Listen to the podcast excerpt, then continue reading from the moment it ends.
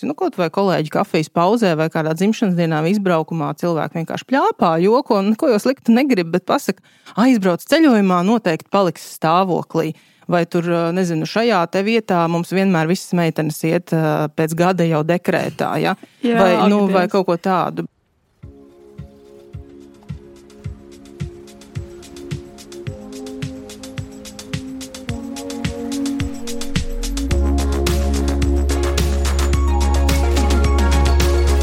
Čau! Es esmu Minēta Bērziņa, un tu klausies podkāstu pirms darba. Te skan cilvēcīgas un saprotamas sarunas par darba meklēšanu un atrašanu.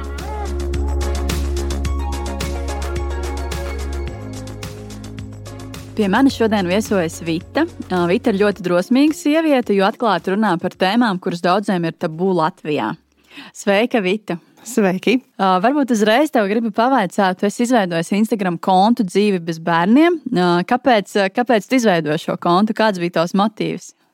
Tāpēc, ka pirms deviņiem gadiem mēs ar vīru uzzinājām vīru diagnozi, ka mums nevar būt bioloģiska bērnu, kā mēs esam uh, mēģinājuši vairākus neveiksmīgus mēģinājumus. Un tad, kad man bija atbalsts vajadzīgs visvairāk, viņš Latvijā nebija pieejams. Tad es uh, šo atbalstu atradu ārpus Latvijas. Tad es nokļuvu, protams, psihoterapijā. Tad, kad man tagad ir palicis labāk, nu, kas principā ir noticis pēdējos divos gados, es sapratu, ka man tas ir jālaiž ārā, jo ir īstenībā apkārt ļoti daudz cilvēku un tepat tuvumā. Un tāpēc es izveidoju šo profilu. Tas ir izveidots tikai pēc Jāņiem. Viņam pat nav vēl trīs mēneši, bet nu, es redzu, ka cilvēki ar vien vairāk raksta, piesako. Un, jā, mans galvenais mērķis ir sajust tām sievietēm, likt sajust, ka viņas nav vienas, jo tas ir tas galvenais, nu, kas iedzen tādā drausmīgā, nezinu, nu, drausmīgās sajūtās. Un otrs, protams, gribās, lai par to sabiedrība runā un arī iespējams varētu laust kādus stereotipus. Tāds saprot, ka pirmkārt, laikam es esmu pirmā, kas tevi intervēja publiski, jo tik, tik, tikko, jā. laikam, jā, konts, konts ir iznācis. Tiešām jāpaldies par šo drosmi, ka tu kaut ko tādu veido un runā vispār par to atklāti Latvijā. Jo cik es esmu dzirdējis, nu, tā tiešām ir tāda tā, tabū tēma, kur varbūt tur labākiem draugiem varbūt pasaka un pačukst kaut ko tādu, vai, vai nezinu, darba dzīvē, vai, vai draugiem, bet bieži vien pat ģimene nezina šādas sensitīvas jautājumas. Un zinu, ka bieži vien arī vecāki baidās jautāt, kas, kas tur īsti ir, jo domā, nu tad labāk tur nelīst citu jautājumos. Tad šodien jā, par šo tēmu gribu parunāt arī kaut kādā veidā saistībā ar šo karjeru. Attiecīgi, kāpēc tu to veido, gribi tātad šīm sievietēm palīdzēt, bet kāpēc varbūt tikai sievietēm, vai tev vīrieši arī seko, vai tikai sievietes? Nu, protams, ka man interesē arī vīrieši, jo mūsu ģimenē tā ir nu, tā galvenā šajā gadījumā problēma vai iemesls, tā varētu teikt. Jā, man seko arī daži vīrieši, bet pārsvarā 94% tās ir sievietes. Diezgan daudz, jā. Tu minēji, ka pirms deviņiem gadiem Latvijā tā nebija atbalsts. Kāds tas, kas tas ir par atbalstu? Kaut kāds emocionāls vai kaut kādas šīs konsultācijas, kas, kas tieši varbūt nu, principā, nebija un kas tagad ir? Kas jā, ir varētu teikt, ka, protams, uzreiz pirms deviņiem gadiem es to nemeklēju. Es vairāk meklēju pirms kādiem sešiem, pieciem gadiem. Droši vien, nu, ko mēs darām? Mēs pirmais, ko darām, kaut ko meklējam Google, internetā, vai ne? Un nevarēja latviski atrast pilnīgi nekādus ne rakstus, ne atbalsta grupas, ko, kā rīkoties, jo pārsvarā viss ir par to, ka pat pēc dažādām medicīniskās apauļošanas procedūrām ir šie pozitīvie rezultāti. Un vienmēr ir spiediens uz to, ka viss ir pozitīvi. Tikai pozitīvi ir minēti. Un mm. nav atbalsts tiem, kuriem tomēr neizdodas, jo nu, īstenībā ir daudz pētījumu, ka no 100% kam nav, nav bērnu cilvēkiem tikai 10% ir neauglības dēļ. 10% ir tie, kas ir pēc savas izvēles, un 80% ir dažādu citu iemeslu dēļ. Jā, un tad, protams, meklējot internetā, es uzgāju kaut ko ārzemēs. Es uzgāju tādu gateway woman komūnu, um, skatījos dažādus webinārus, arī nu, visādus blogus, lasīju ierakstus. Protams, arī varēju kaut ko komentēt, bet es sākumā to visu darīju anonīmi, jo skaidrs, ka tad, kad tu esi dziļos pārdzīvojumos, tu negribi būt protams, ar savu vārdu. Protams, jā. um, Pēc tam es iegādājos vienu grāmatu, kas nu, ļoti man atvēra acis un tiešām lika saprast, ka es neesmu tāda viena. Un nu, tad kaut kādā brīdī es vienkārši sapratu, ka nu, ka es vienalga līdz ar to, ka it kā tas atbalsts gaisā ir, es nevaru pat ar to tikt galā. Un, jā, un tad droši vien tas svarīgākais ir, lai pirmkārt, lai ir tas kaut kāda informācija, lai cilvēks nejūtās viens, un saprot, ka meklēt palīdzību arī ir būtiski, un tā nav vājuma pazīme. Un šobrīd Latvijā varbūt kas ir mainījies, vai ir kāds atbalsts parādījies? Nē, neesmu redzējusi. Nav vēl joprojām nekas tāds. es esmu, protams, Instagramā meitenes ir dažas man uzrakstījušas, ir kāda viena vairākas, kuras mēģina aprakstīt savu pieredzi tieši IVF procedūru gaitā. Nu, tā tad viena no medicīniskās apaugošanas procedūru veidiem. Mm -hmm. Kā viņām veicās vai neveicās, bet Nekas cits īsti arī nav, bet nu, mans profils ir tendēts tieši uz to, ka, ja tu pieņemsi lēmumu, tomēr beigt visus mēģinājumus un dzīvot bez bērniem, un kā, to, kā to pieņemt. Bet, protams, neskatoties uz to, man uh, ir ļoti dažādi sekotāji. Jo arī tiem, kuriem ir šie veiksmes rezultāti, vai varbūt tie, kuri vēl mēģina uh, un ir šīs tajā problēmas attiecībās ar tuviniekiem, ar radiem draugiem, kolēģiem, um, nu, viņi uzskata, ka šis arī ir tas emocionālais atbalsts, ko viņi var šeit saņemt. Kāpēc jā, šāds lēmums beigt attiecīgi visus šos mēģinājumus un, un attiecīgi nodefinēt sevi, kad rekur dzīve bez bērniem? Nu, tad es droši vien ieteiktu palasīt manu Instagram profilu un dažādus ierakstus Jā. par to, jo nav tik vienkārši vienā teikumā to pateikt. Nu, tu vienkārši caur visiem šiem mēģinājumiem, kas ir ļoti, ļoti sarežģīti, dārgi, emocionāli pārdzīvojoši, īpaši ar šīs neveiksmes. Tas viss ļoti grauj tevi kā personību, tu daudzas lietas dzīvē atliec, jo tu ceri visu laiku. Tas, protams, bojā tavas attiecības ar otro pusi. Tas nu, tu vienīgais, ko dzīvē pamani, ir, protams, bērni. Un um, vienā brīdī tu vienkārši saproti, nu, ka vai nu tu sāc parūpēties par sevi, izvēlēs sevi, varbūt savu laulību vai vienkārši attiecības, nu, vai arī vienkārši tu esi tik dziļā bedrē, ka vairāk tālāk nav kur.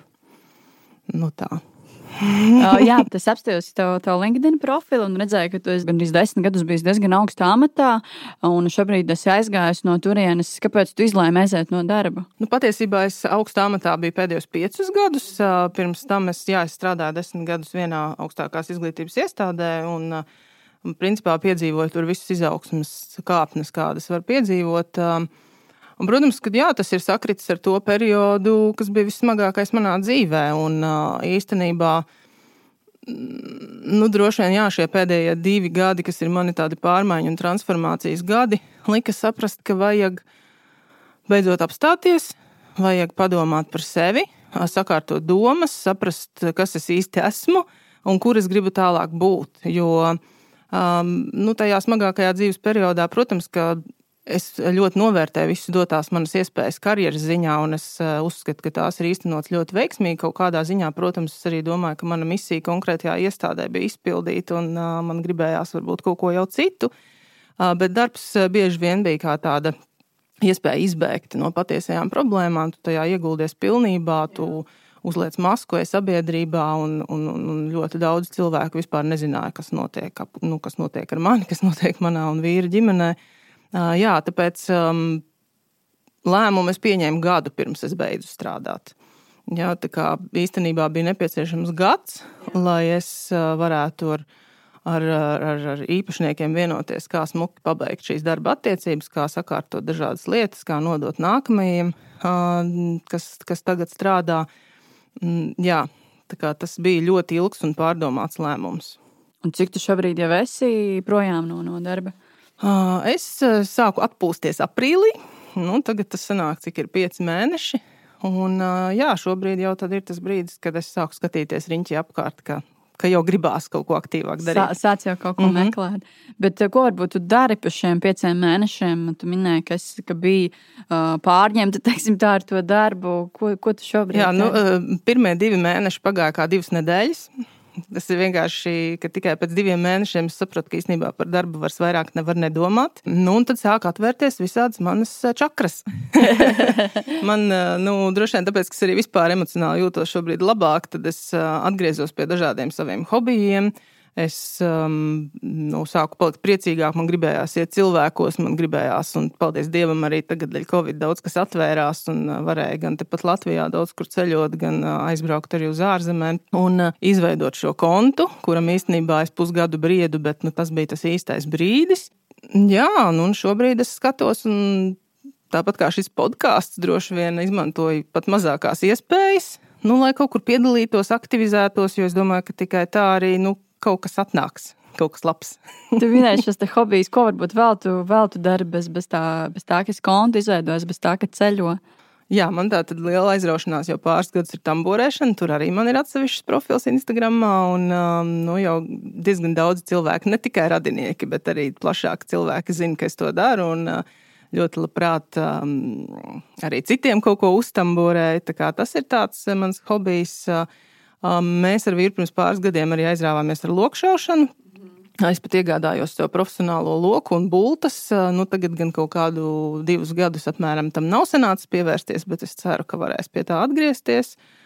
Nu, un tagad vasarā ir atvērti baseini ļoti netipiski. Es esmu atsākusi iet uz baseinu. Vispār ir ko darīt. Man nav garlaicīgi arī pašai ar sevi.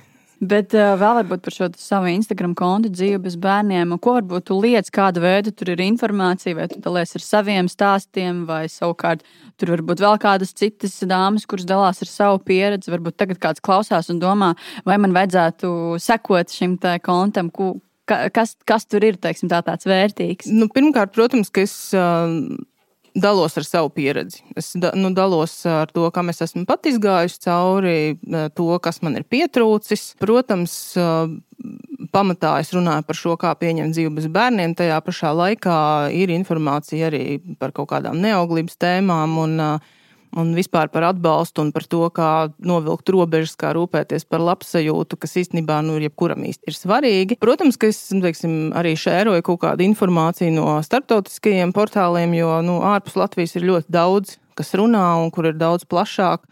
Un, um, nu, jā, es nezinu, kad iznāks šis podkāsts, bet principā nākamnedēļ, piemēram, ir arī tāds pasākums kā World Childless Week, kas ir online.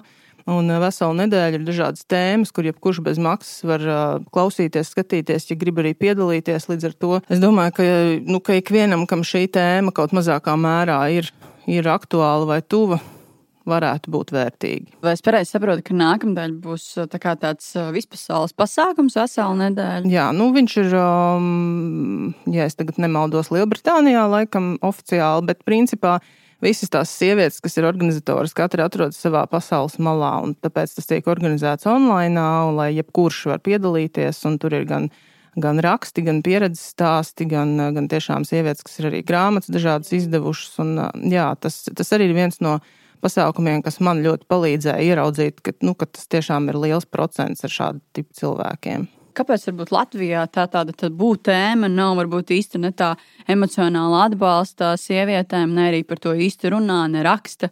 Kāpēc tā? Nu, man droši vien uz to ir ļoti grūti atbildēt.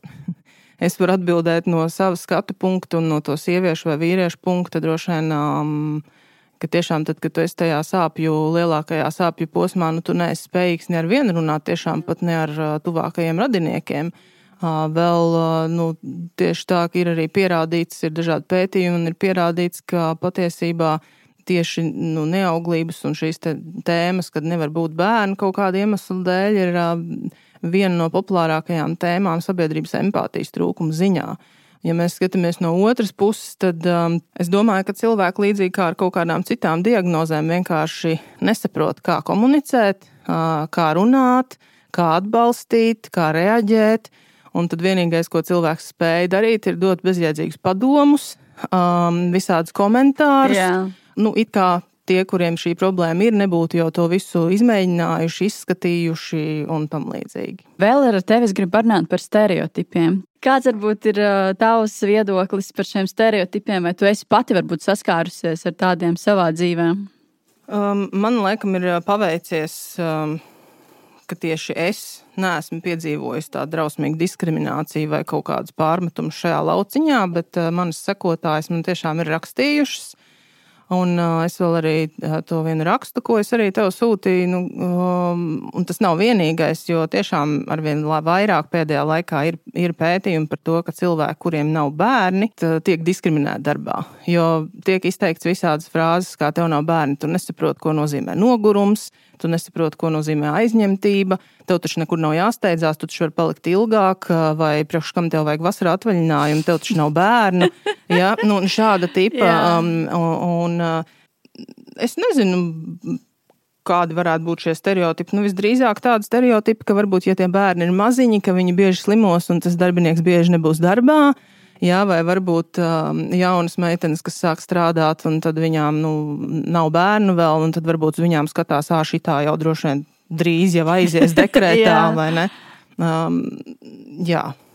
Nu jā, līdzīgi kā uh, iepriekšējām vienām no viesām pajautāja, tā arī taisna darba intervijā. Nu, kad tu grasies uh, iet bērnu kopšanas atvaļinājumā, tā kā dekrētā? Nu, tas ir drausmīgi, bet tā kā es arī esmu diezgan daudz atlasījusi darbiniekus, uh, es, protams, nekad nejautāju šādu jautājumu. Un, um, bet patiesībā cilvēki, kuriem ir bērni, viņi pirmajās sarunas minūtēs paši pasaka, vai tas tā ir darba intervija, vai tā ir kāda cita saruna, to var viegli uzzināt, nav vispār jājautā.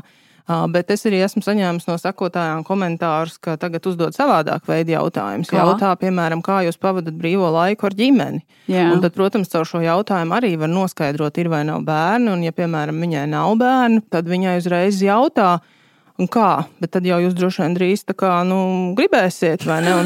Bet šādi, man liekas, jautājumu īsti nevar uzdot. Nu, jau nevar. darba intervijā par tiem hobijiem, brīvo laiku, tas vēl tā. Bet kad tad ko un tur plānot, tas jau, tas jau man liekas, nav. Nu, jā, labi. un kā viņai šādā situācijā atbildēt, ja viņai vispār varbūt nebūs, vai viņa tā kā nu, straglo ar šo jautājumu, un viņai tas ir no, nu, sāpīgi, ja, un, nu, bet par to jau neviens nekad nedomā. To gan es esmu arī pati savā virzienā saņēmusi. Nu, kaut vai kolēģi kafijas pauzē vai kādā dzimšanas dienā izbraukumā cilvēki vienkārši pļāpā, joko un neko jau sliktu negrib, bet pasaka, aizbrauc ceļojumā, noteikti paliks stāvoklī vai tur, nezinu, šajā te vietā mums vienmēr visas meitenes iet pēc gada jau dekrētā, ja?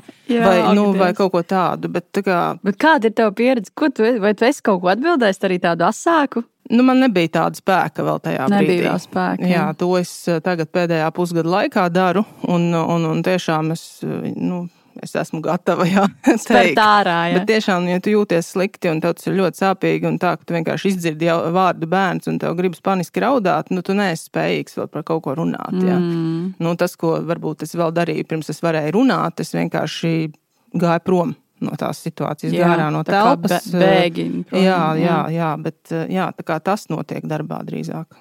Bet es dzirdēju šādu stereotipu, kur uh, bieži vien darba devēja saka, ka, ja cilvēkam, vienalga vīrietim vai sievietei ir, ir bērni, ģimene, tur kredīts, nu tad būs uzticams labs darbinieks, ilgus gadus strādās un, un, un nekur neskries projām. Nē, es tādu neesmu dzirdējis. es, es gan esmu dzirdējis. Bet savukārt, vai es dzirdēju par, par dāmām, varbūt, kurām ir 30 plus un nav bērnu, nu, tās jau tur karjeristes un, un, un Jā, domā protams, tikai par darbu. Protams, es tieši domāju, ka man drīzumā būs viens posts jauns par šo tēmu - karjeriste, egoiste. Vēl es zinu, ka tās ārzemju autors ir pat Tediksā ir bijušas runas, kur kur viņi ir par šo tēmu runājusi, un vēl trakāk sauc par raganām un vēl visādām sievietēm. Nu, bet, bet patiesībā nu, mēs taču nekad nezinām, kas notiek cilvēkam. Tas ir tas pats, ka par šiem sociālajiem tīkliem, sociālos tīklos pārsvarā mēs redzam pozitīvo pasauli. Un daudziem no tiem, kas liek pozitīvās bildes un stāstīņus un visu kaut ko patiesībā mājās, iespējams, ir ļoti liela pārdzīvojuma dažādās jomās. Vienkārši sabiedrībai ļoti trūkst empātijas kā tādas. Un, un katrs uzskata, ka viņam nevis ir jāieklausās pretējā pusē bet uzreiz jāmeklē atbilde vai padoms. Bet eh, nu, padomu neviens neprasīja. Ja paprasīs, tad tu vari palīdzēt, mēģināt. Bet nu, visdrīzāk nav nekas, ko tu vari ieteikt. Tu minēji, ka tu pati biji vadītāja vairākus gadus un droši vien arī atlasīji darbiniekus. Kāda bija tava paša tava attieksme pret jaunajām māmiņām, kuras nāca uz darba intervijām? Bieži vien arī viņas atklāja, ka nu, ka, piemēram, tur bērnu dārzā ir, ir, ir, ir puika vai pēc CV var redzēt, ka ir nu, ilgs šis laika posms. Kā varbūt tu rīkojies tajā laikā, kad atlasīji? Vai tu arī domāji, ka nu, labāk ņemt tās varbūt sievietes, kurām vēl nav vai ir lielāki bērni? Nu, pirmkārt, skatoties jau kaut vai uz pieteikumiem, uz CV un uz vēstulēm, es um, Nu, protams, ja tas CV bija ierakstīts, nu es to pamanīju. Bet nu, neviens jau mūsdienās īsti daudz neraksta ne vecumu, ne to ģimenes stāvokli. Un, ja raksta, nu, protams. tad man liekas, ka nu, tāds vairs nedara. Līdz ar to manas intervijā nāca ļoti dažādi cilvēki. Nu, mums bija ļoti specifisks darba laiks vispār iestādēji. Un uh, visbiežāk tieši sievietes ar maziem bērniem, uh, tiešām maziem bērniem, bērnu dārzniekiem, sākuma skolas bērniem uh, vienkārši atteicis. Es viņām esmu piedāvājusi darbu, uh, bet viņas atteica tieši darba grafika dēļ. Savādāk varbūt, varbūt ir bijis nu, viens tāds gadījums, par ko es nejūtos baigi priecīgā, kur, kur tiešām man bija vajadzīgs darbinieks administrācijā. Un es pieņēmu meiteni darbā, ļoti forša meitene, un viss bija kārtībā. Bet burtiski pēc kādiem četriem mēnešiem viņa atnāca un teica, ka īstenībā viņa jau ir stāvoklī jā. un pēc trījiem ies dekrētā. nu, no, kas nozīmē, ka viņa sāk strādāt jau, kad viņa bija stāvoklī. Es, viņu, nu, es viņai, protams, es viņu saprotu, jo viņai vajadzēja darba, lai viņai būtu kaut kādas sociālas garantijas. Bet, protams, ka man tas nebija baigi forši, jo man bija atkal jāmeklē jauns darbinieks, un tajā brīdī iestādē vispār bija diezgan sarežģīts tāds nu, process, nu, posms. Um, nu, tas varbūt man neliekas tik smuki, bet es nezinu, kā tādās situācijās rīkoties būtu pareizi. Nu, jā, šodien, šodien jā, tādas, tādas tēmas, kas beigas liek domāt. Mm, ir tā, ka cilvēkiem, kuriem, kuriem nav bērnu, bieži vien ir priekšrocības darba tirgū, vai tu tam piekrīti? Kuriem nav? Kuriem nav bērnu, jā. Es laikam ļoti ilgi neesmu bijusi kā, nu, vienās intervijās vai kaut kādās tādās sarunās, kurš man stāstītu, jo es tieši otrādi redzu, ka nav priekšrocības. Ka nav priekšrocības. Jo es nezinu, vai tev ir kāds no nākamajiem jautājumiem, bet ja mēs runājam par šīm kaut kādām uzņēmumu darbinieku bonusiem. Par to mēs parunāsim. Jā, jā, jā. Nu, jā es, es neesmu saskatījusi, ka darbiniekiem bez bērniem būtu priekšrocības tieši pretēji. Mm -hmm. Es to domāju tādā veidā, ka, nu, piemēram, attiecīgi, ja tev, ja nav bērni, tad tu esi elastīgāks izvēloties šo darbu, te, cik, cik tālu tas ir, ka tev nav jāsaskaņo ar kaut kādu šo savu, savu grafiku ar, ar, ar vīru, nezinu, tur bērniem, pulciņiem un tādām lietām. Un savukārt, varbūt, ja ir ja arī atnākusi uz interviju kaut kāda jaunā māmiņa, nu, tad varbūt kaut kāda šī diskriminācija, un tad paņem varbūt šo cilvēku, kuram, kuram nav vēl bērni, vai ir jau izauguši, vai, vai, vai, vai neslimo. Nu, tādā ziņā. Par to atlasi es nevarēšu atbildēt. Es nezinu. Protams, ka cilvēki, kuriem nav bērni, droši vien eh, var daudz eh, būt tādi atvērtāki dažādiem piedāvājumiem. Par to gan man viens no sekotājiem vīriešiem rakstīja, kā plusu, jo es mēģinu runāt arī par plusiem. Nu, viņš redz, ka, ka, jā, ka tu vari pieņemt dažādus piedāvājumus, arī mainīt valstis, kurās jā, tu strādā. Jā, jā. Tu vari bieži ceļot, eh, un nav nekādu tādu nu, lielu atbildību varbūt. No otras puses, tas arī ir daļai tāds stereotips, ka, Protams. nu, ka principā jau cilvēkiem ir arī savs grafiks. Un, protams, pirmkārt jāņem vērā, ka daudz, kuriem nav bērni, bieži vien ir arī vieni paši, un viņiem ir sevi jāuztur, kas droši vien ir sarežģītāk vēl nekā, ja ir otrā puse. Um, bet, ja ir otrā puse, nu, tad tomēr jau nu, ir kaut kā tas grafiks jāsaskaņo, vai ne katram ar saviem hobijiem, ar darbu. Ar hobiju, ar, ar mājdzīvnieku. Nu, ar kaut kādām lietām, kur gribas kopā aiziet, vai atsevišķi aiziet, vai būs brīvdienas kopīgās dienās vai dažādās. Nu, nu, gluži jau tā nav. Ir arī tāds pieņēmums, ka cilvēki, kuriem nav bērni, strādā ilgākas stundas, jo varbūt nav tik daudz šo rūpju ārpus darba. Nu, tas ir atkal tas domā? pats stereotips, ko es jā. saku. Jā, tas ir man tieši tieši nesen bija viens ieraksts par to. Un, Nu, tas atkal ir pārspīlēti. Un iespējams, ka viņi strādā ilgāk, tāpēc ka viņi vienkārši nemāk plānot laiku. tas ir ļoti populārs. Vai no tādi, nu, tā kā, jā, daži darbinieki, kuriem es esmu teikusi, ej, beidzot mājās, un es mēnešiem saku, ej, mājās, tu vienkārši izdegsi. Bet nē, neiet mājās. Ja? Bet otrs, protams, kad es esmu ļoti daudz dzirdējis, un pašai arī pāris draudzenes ir sūdzējušās, ka viņām nav bērni, viņām vienmēr viņām ir jābūt tām, kas glābi situāciju. Kuras paliks ilgāk, kuras strādās valsts brīvdienās, ja uzņēmumam jāstrādā, piemēram, Tas valsts brīvdienās. Vai jā, tiešām šos atvaļinājumus izvēlēsies pēdējās. Jā. Jā. Mm, nu, tas gan ir nesmuki. Piekrītu. Parunājam varbūt par tiem bonusiem darba vietās.